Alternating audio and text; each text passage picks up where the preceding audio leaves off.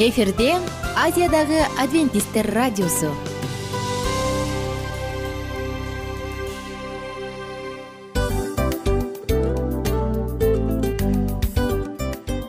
Достор салют.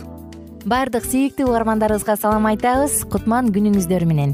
Ден соолук өмүрдүн булагы демекчи саламат саамы программасында баарыңыздарды көргөнүбүзгө абдан кубанычтабыз. Анда алгач амандашып өтөлү арбаңыздар деп. Ден соолугуңуздар кандай элибизде көбүнчө ден соолук кандай дегенде эле жакшы деп жооп беребиз э? ооруп турсак дагы жакшы дейбиз. Анан мен муну айтып ойлойт элем бул абдан сонун сөз депчи анткени бул жакшы деген үмүт да э ооба баары жакшы болот. Баары сонун. Деп үмүттөнүп атып эле өзүбүздү өзүбүз дарылап коебуз. Анысы кандай сиздин дагы ден соолугуңуз жакшы беш деген үмүттөбүз чындыгында ден соолук бул өмүрдүн булагы деп бекеринен айтылган эмес деп ойлойм. Кыргыз элинде. Анткени эгерде ден соолук жок болсо анда адамдын жашоосунда калган баардык керектүү маңыздуу нерселер өзүнүн баалуулугун жоготуп коет. Ошондуктан ден соолук бул эң керектүү нерсе. Ооба туура айтасың кесиптешим. Чынында ден соолугуң жок бир эки үч күн ооруп калсаң эле э кандай болуп калат? Жашоодо көз каранды болуп каласың көп нерсеге жетишпей каласың көп нерсени кыла албай каласың жада калса эчке дүкөнгө да чыга албай каласың. Туптуура анан ден соолук болсо демек биз биздин бактыбыз тотой деп койсок болот. Анда достор саламат саамы рубрикабызды баштайлы. Алдыда өзүңүзгө керектүү болгон сонун кеңештерди уга аласыздар. Мына ошондуктан биз менен бирге болуңуздар. Ал эми биз болсо милан жана айнура. Кеттик алга. Алга саламат саама ден соолуктун жарчысы. Саламат саама ден соолуктун ачкычы. Күн сайын сиз үчүн мыкты кеңештер сонун жаңылыктар кызыктуу фактылар биздин рубрикада.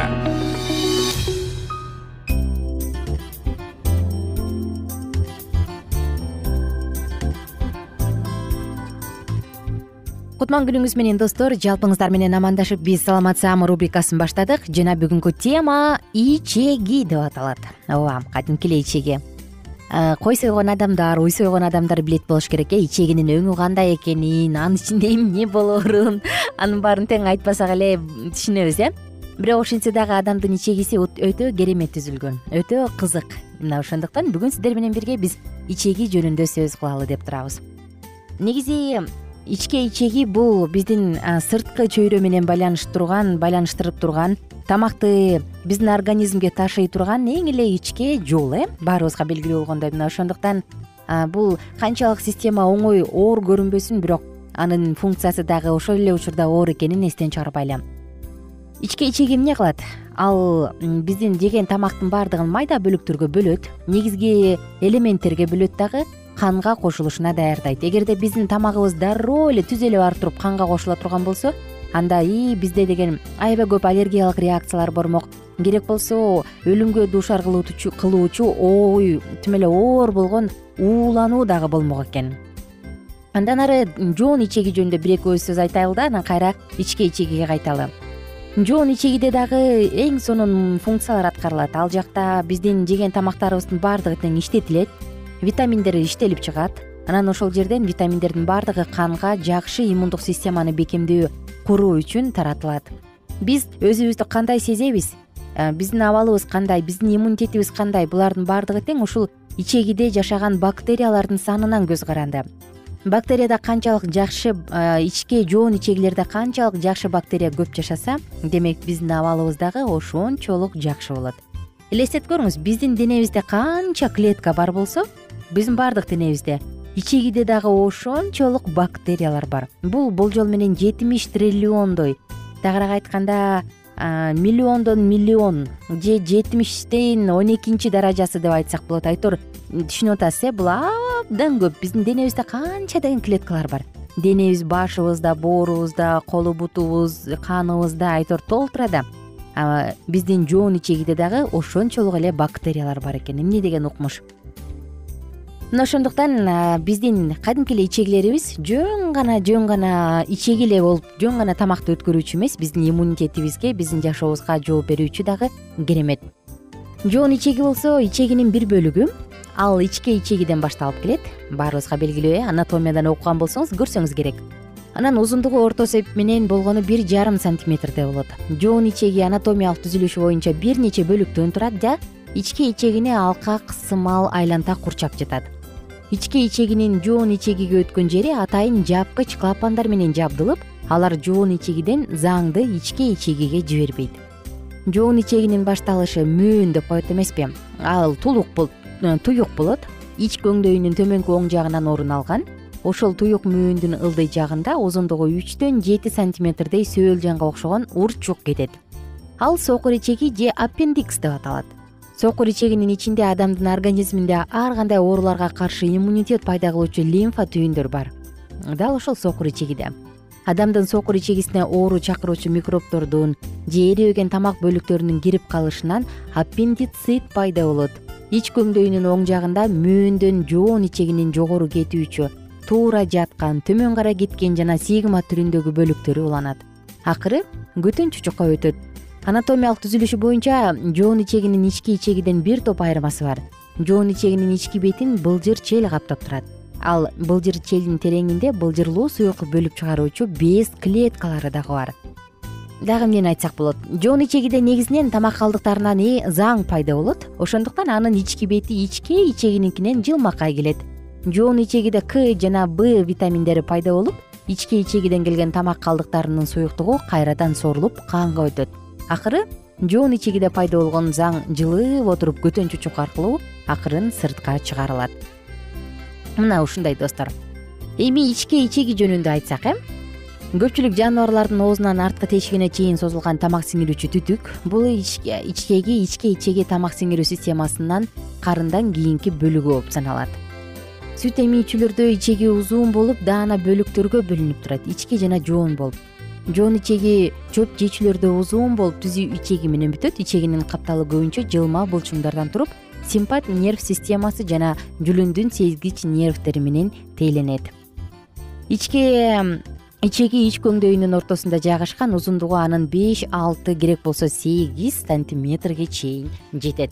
Дагы ичеги жөнүндө бир аз кызыктуу маалыматтарды айта турган болсок күн сайын ичегиде иштелип чыккан газ метан водород же суутектин көлөмү бир литрге барабар экен күнүнө. Аи бул кандай гана жыттарды көргөзөт кандай гана жытты жыттантат билебиз э?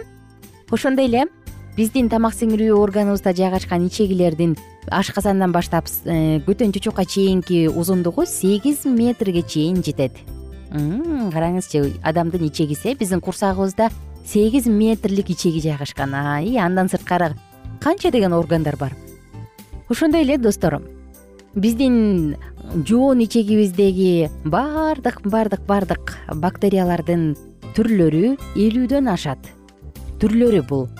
Жана ошондой эле бир күндүк биздин үлүшүбүздүн тамак самакты ичип антип минтип жүргөндөн кийин бир күндүк биздин заңыбыздын салмагы эки жүз үч жүз граммды түзөт экен. Бул эт тамакын жегенде э эгер эттүү эмес тамак жесе албетте анда азыраак болот.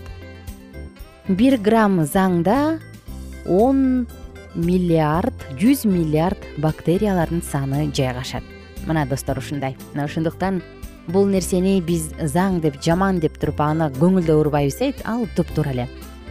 Достор саатыбыздын соңунда эмне дейбиз? Эч качан оорубаңыздар бар болуңуздар бай болуңуздар сиздин оюңузду сиздин жүрөгүңүздү эч нерсе капалантпасын мурунку уктурубузда ашказанда айтканбыз ал биздин маанайыбызды көргөзүп турат деп.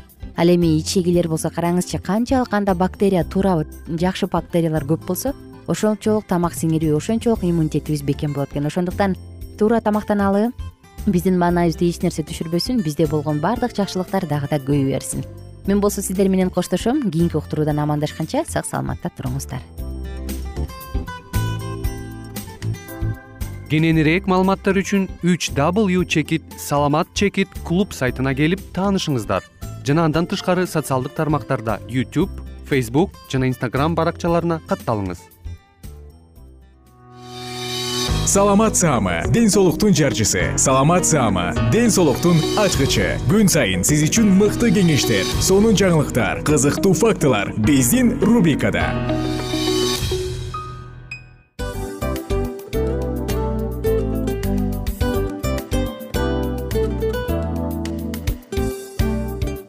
салам достор.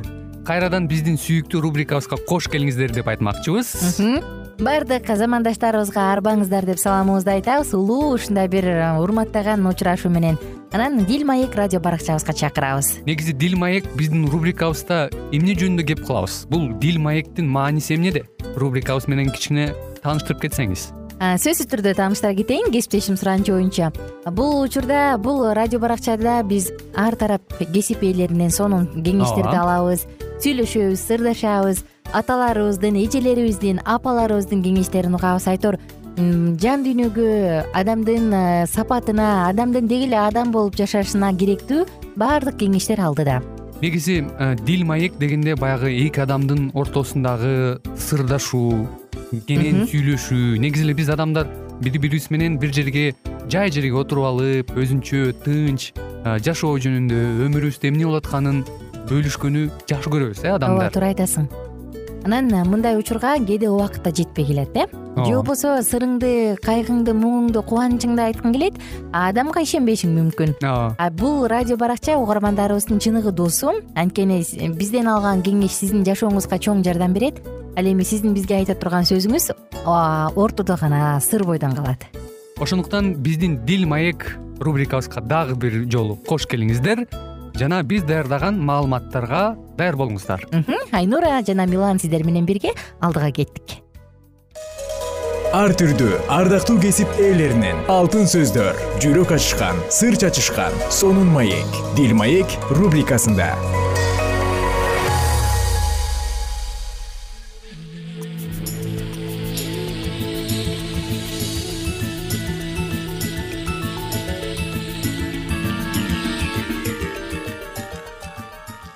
амансыздарбы кадырман радио угармандарыбыз? Кайрадан эле биз сиздер менен бактылуу никенин баалуу эрежелери аттуу уктуруубузду баштайбыз. Бүгүнкү программабыздын чыгарылышында өткөн берүүбүздө сөз кылып өткөндөй эле бала тарбиялоодогу бир нече принциптер туурасында сөз кылабыз. Андыктан бүгүнкү уктурууда дагы биздин ободон алыстабай биз менен биргеликте кала бериңиздер деп жалпыңыздарды чакырып өтмөкчүбүз. Микрофондо кайрадан эле кызматыңыздарда аты жөнүм улан кубанычбеков жана ошондой эле менин кесиптешим. Саламатсыңарбы жана мен асель мамбетова. Бала үч жаштан өткөн соң эле көп нерсени түшүнүп мээси чоң адамдардыкындай эле калыптана баштайт. Бул учурда балага көрөгөчтүк жаратмандык менен мамиле кылыңыз. Урматтуу ата энелер келиңиздер деги эле балдарыбызды туура мактоонун эрежелерин кантип үй бүлөлүк шартта колдоно алабыз? Ушул туурасында үй бүлөлүк психологдордун кеңештерине кулак салыңыз. Туура мактоону билиңиз. Кээ бирлер баланы макташ керек десе экинчилери баланы мактаганы аны бузат дешет. Ооба баланы мактап туруу зарыл бирок туура мактоону билүү керек. Баланын кылган ишине жүрүм турумуна карата туура мактаңыз ага тийиштүү эмес сөздөрдү айтып жатканыңызда бала билип турат. Мындай абалда сөз кабыл албай өзүн баалоосу да төмөндөйт. Ошондуктан урматтуу ата эне сиз өзүңүздүн чүлпөңүздүн жөндөмү үчүн дагы мактаганыңыз абдан маанилүү. Мисалга балаңыз ырдоого шыктуу дейли анын талантын көргөн сайын мактап турасыз. Бирок мунун терс жагы болушу мүмкүн. Себеби баланы талант жөндөмү болгону үчүн эле мактай берсеңиз ал өзүнө оңой болгон нерселерди гана кылып ошолорду гана беттеп калышы мүмкүн. Ал тургай талантым жок деп коркуп башка нерселерди кылуудан тартынышы ыктымал ал эгер кайсы бир нерсени жасоо мен үчүн кыйын болуп жатса демек мен ага шыктуу эмесмин. Анда аракет кылуунун кереги жок деп ойлонушу мүмкүн. Андан сырткары аракети үчүн мактоо зарыл. Кайсы бир нерселерге жөндөмдүү болгону үчүн эле эмес тырышчаактыгы жана аракеттиги үчүн эле мактай берсеңиз. Аны чындыкка ашырганча эле жыйынтыкка ээ болуп калган сыйтта аны акырына чыгарбай коет ошол себептен ар бир аракети ишке ашкан соң ал күткөн сөздөрдү айтууңуз зарыл. Демек урматтуу ата энелер бул нерселерге дагы сөзсүз түрдө көңүл бурганыңыз зарыл экен. Мындан сырткары дагы кымбаттуу ата энелер эгерде сиздин балаңыз пландары же аракетин сизге кабарлаган болсо мактоо менен шык берүү сөздөрдү айырмалай билгениңиз жакшы. Ага туура шык күч берүү менен кандайдыр бир иш аракеттен ийгилик жаратыш үчүн чыдамкай жана аракетчил болуу талап кылынаарын түшүндүрүшүңүз дагы абдан маанилүү. Демек балдарыңызды ушул нерсеге үйрөтүү менен аны келечектеги жашоодогу кандайдыр бир кыйынчылыктарга туш болгон учурда алар ар кандай көйгөйлөрдү өзү чече билгенге үйрөтүүгө жардам берген болосуз. Ошонун аркасынан бала каалаган натыйжага жетиш үчүн талыкпай аракет кылып жана ийгиликке жетпей калган күндө дагы өзүн эч нерсеге жараксыз деп эсептебей өзүн өзүн үйрөнчүкмүн деп эсептебейт демек сиз балаңызды бул жаатта дагы жашоодо ар дайым эле ийгилик коштой бербестигине жана ар кандай кыйынчылык келген учурда туура кадамдарды таштаганга үйрөткөн болосуз. Ошондой эле урматтуу ата энелер балдарыңызга жардам бергенге дагы аракет кылыңыз. Андан сырткары балаңызга багынбаганга жардам бергиле.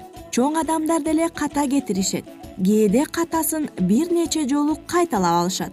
Бирок ар бир жолкусунда сабак алганды үйрөнүп андан ары туура багытка аракет кылышат. Мындай адатка балаңызды жаш кезинен тарбиялаңыз. Бул анын чечкиндүү өзүнө тынч болуусун негиздейт.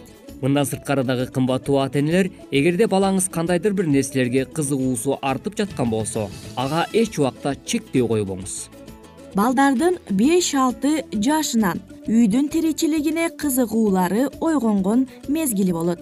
Мисалы кыздар үй шыпырып идиш жуугулары келсе уул балдар атасы кылган иштерди жасагылары келет. Мындай мамиле менен аны тырышчаактыкка үйрөтүп ката кетиргенин чоң көйгөй көрүп албагыла. Баланын шагы сынып калбашына жардам бериңиз. Ошондо ал кыйынчылыкка багынып калбай ишти башкача кылып көрүүгө же көбүрөөк күч жумшоого аракеттенет. Бул баланы өзүнө бекем тиричилигине тың чечкиндүү болуусуна алып келет. Андыктан урматтуу ата энелер бул жаатта балаңыздын шыктуу болушуна сиздин салымыңыз өтө чоң экендигин дагы унутпаңыз. Балдарымдын ичинен ушул баламдын эч нерсеге шыгы жок же окуй албайт же иш кыла албайт деп башка балдарынан жөндөмү жагынан өзгөчөлөнүп турган. Бирөөсүнө көп наалыйт жана аны андан деле жактыра бербеген ата энелер болот. Бул албетте туура эмес. Жарыкка келген ар бир балада коомдо аралашуу үчүн бир артыкчылык болот. Аны баамдай билип туура багыт көрсөтүүгө ата эне көрөгөч болуусу керек ата энесинин туура мамилеси менен эч нерсеге шыгы жок бала да көп нерсени үйрөнө алат. Сиз ойлонгондой башка балдар сыяктуу. Калем кармагандай эле кооздоп чиймелеп мыкты сүрөт тартууну күтпөңүз. Алгач сиз колуңузга калем кармап балага сүрөт тартып бериңиз.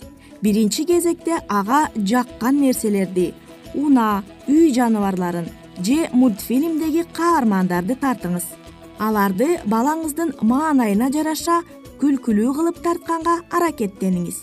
Мындай аракетиңиз менен баланын кызыгуусу андан кийин шыгын бат эле ойготосуз.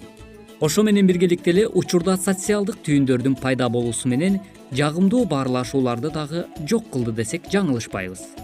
Ата эне социалдык тармактарга кирип алган соң жөн отур бар нары. Нары жакка барып турчу.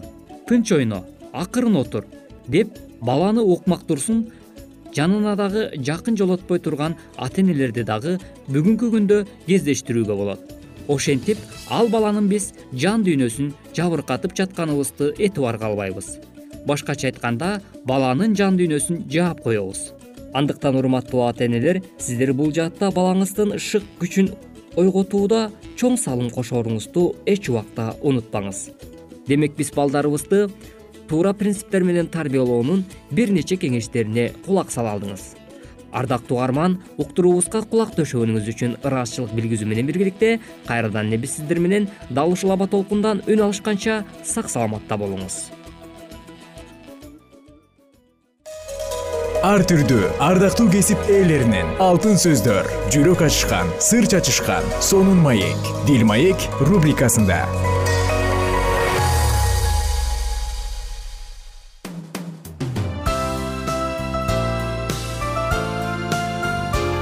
эфирде азиядагы адвентисттер радиосу.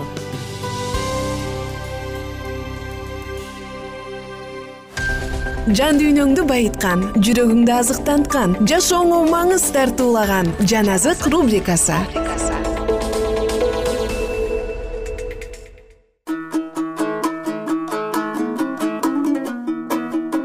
кутман күнүңүздөр менен достор жалпы угармандарыбызга салам сагынычтуу салам жаназык рубрикасы жана сиздер менен биз насаатчы китебин окууну баштаганбыз. Бул китептеги сонун алтын сөздөр сиздин жүрөгүңүзгө чоң таасирин тийгизип жашооңузда колдонгонго жардам берет деп ишенем. Насаатчы китеби.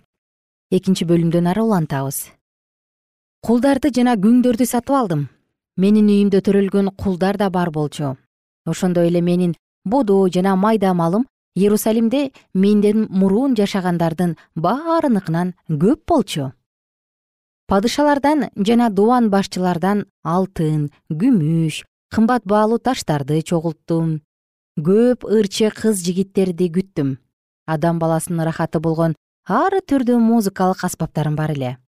Ошентип мен иерусалимде менден мурун жашагандардын баарынан улуу жана бай адам болдум акылмандыгым да мага жардам берди. Көзүмдүн бир да каалоосун четке каккан жокмун. Жүрөгүм каалаган кубанычты тыйган жокмун. Анткени жүрөгүм менин бардык иштериме кубанып турду. Бул менин бардык иштеримден алган үлүшүм болду. Анан мен өз колум менен жасаган иштердин баарын жана өзүм эмгектенген эмгегимди карап мындай чечимге келдим бардыгы курулай убаракерчилик жана рухтун кыйналуусу. Күн астында алардан пайда жок. Ошондо мен акылмандыкка да акылсыздыкка да түркөйлүккө да көз салып көрөйүнчү деп кайрылдым. Падышадан кийин келген адам эмне кыла алат? Буга чейин жасалып келген нерсени эле кыла алат? Ошентип мен караңгылыктын жанында жарык кандай артыкчылыкка ээ болсо акылсыздыктын жанында акылмандык ошондой артыкчылыкка ээ экенин көрдүм. Акылманддын көзү өз башында. Ал эми акылсыз караңгылыкта жүрөт. Бирок баарынын башына бир эле нерсе түшөрүн билдим. Анан жүрөгүмдө мындай дедим. Акылсыздын башына түшкөн нерсе менин башыма да түшөт. Андай болсо эмне үчүн мен абдан акылдуу болдум? Ошондо бул да курулай убаракерчилик дедим. Анткени акылдууну деле акылсыздай түбөлүккө унутушат. Келечекте бардыгы унутулат. Тилекке каршы акылдуу да акылсыз сыяктуу эле өлөт. Мен өмүрдү жек көрүп калдым. Анткени күн астында жасалып жаткан иштердин бардыгы мага жакпай калды. Анткени бардыгы курулай убаракерчилик жана рухтун кыйналуусу экен. Ошентип мен күн астында жасаган эмгегимдин бардыгын жек көрүп калдым. Анткени мен аны өзүмдөн кийинки адамга калтырышым керек. Анын акылдуу болорун же акылсыз болорун ким билет? Бирок ал менин күн астында акылмандуулук кылып эмгектенген иштеримдин баарына ээлик кылат бул да курулай убаракерчилик экен. Ошондо мен жүрөгүмдү күн астында кылган бардык эмгектеримден көңүл калууга бурдум анткени кайсы бир адам акылын билимин колдонуп ийгиликтүү эмгектенип анан бардыгын эмгектенбеген адамга ошонун үлүшү болгонсуп калтырууга тийиш. Бул да курулай убаракерчилик жана чоң жамандык экен. Ошондуктан адам күн астында эмгектенген бардык эмгегинен жүрөгүнүн түйшүктөрүнөн эмне табат? Анткени анын өмүрү кайгы бардык эмгеги тынчсыздануу атүгүл түн ичинде анын жүрөгү тынч албайт бул да курулай убаракерчилик экен. Ичип жеп жыргоо өз эмгегинен рахат алуу да адамдын бийлигинде эмес. Мен бул нерсе да кудайдын колунда экенин көрдүм. Анткени ансыз ким ичип жеп рахаттана алат? Анткени теңир өзүнө жаккан адамга акыл да билим да кубаныч да берет. Ал эми күнөөкөр адамга жыюу чогултуу түйшүгүн берет анан анын жыйгандарын кудай өзүнө жаккан адамга берет. Бул да курулай убаракерчилик жана рухтун кыйналуусу экен. Үчүнчү бөлүм. Бардык нерсенин өз убагы бар. Асман астында ар бир нерсенин өз убагы бар.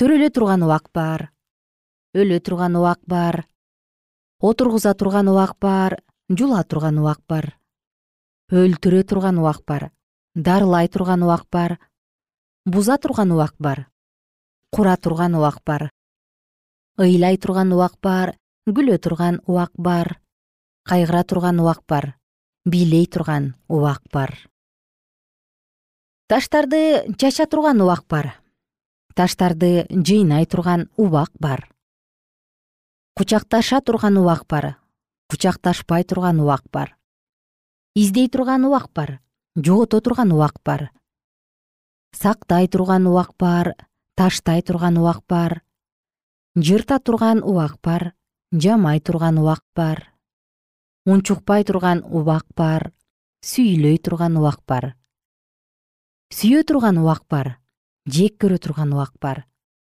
согуша турган убак бар тынч жашай турган убак бар жумушчуга өзүнүн иштеген ишинен эмне пайда? Кудай адам баласына машыксын деп берген мына ушул түйшүктү көрдүм. Адам кудайдын жасап жаткан иштерин башынан аягына чейин түшүнө албаса да ал бардык нерсени өз убагында сонун кылып жасады. Алардын жүрөгүнө түбөлүктүүлүктү салды. Адамга өз өмүрүндө кубануудан жана жакшылык кылуудан эч нерсе жок экенин түшүндүм. Эгерде адам ичип жеп ар бир ишинин үзүрүн көрүп жатса анда бул кудайдын белеги. Кудай жасагандын бардыгы түбөлүктүү экенин түшүндүм. Ага эч нерсе кошууга да андан эч нерсе алууга да болбойт. Кудай өзүнөн коркуп турушу үчүн ушундай кылып жараткан. Мурун болгон нерсе азыр да бар. Боло турган нерсе мурун да болгон кудай өткөндү кайра чакырат.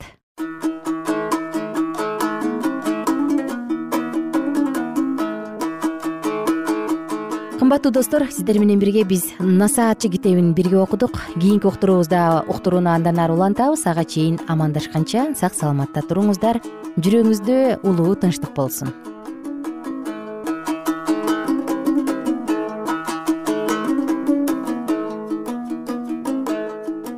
эгер сиздерде суроолор болсо же көбүрөөк маалымат билем десеңиз анда биздин whatsapp номерибизге жазыңыз. Плюс бир үч жүз бир жети жүз алтымыш алтымыш жетимиш. Кайрадан плюс бир үч жүз бир жети жүз алтымыш алтымыш жетимиш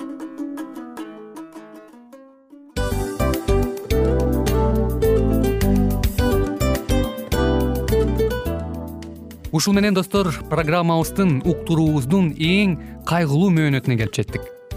Кайгылуу дегенде ыйлагым келип кетти кесиптеш. Кадимкидей. Анткени баягы учурашасың анан коштошуу учур келгенде ии кантип ии эми эми бат баттан келиптир э сагындырбай деп атып араң коштошобуз го.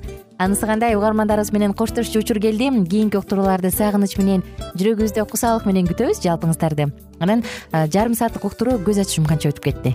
Сөзсүз бирок бизде жакшы кабар бар. Кийинки уктурууларыбызда сөзсүз дагы кезигишебиз. Анткени биз көптөгөн сюрприздерди кызыктуу маалыматтарды жана керектүү керектүү нерселердин көбүнчөсүн даярдадык анда угармандарыбыздын баардыгына ийгиликтүү күн каалайбыз эгерде бүгүнкү күнүңүз өзгөчө э, өтүшүн кааласаңыз анда позитивдүү ой жүгүртүп жылмайып жакындарыңызга жакшы маанай тартуулап жүрө бериңиз анткени сөзсүз түрдө мунун арты кайтат э? Сөзсүз. Баягы ден соолугуң оңолот ал бул деп көп нерсени санап келебиз. Эң негизгиси бул сиздин жашооңузду жаркын кыла түшөт экен. Жараткан кудай ар бирөөңүздөргө батасын берсин жашооңуз ийгиликтүү болсун сак саламатта калыңыздар деп мен милан жана кесиптешим айнура. Баардыгыңыздар менен кийинки уктурууда үн алышканча баарыңыздарга ийгилик каалайбыз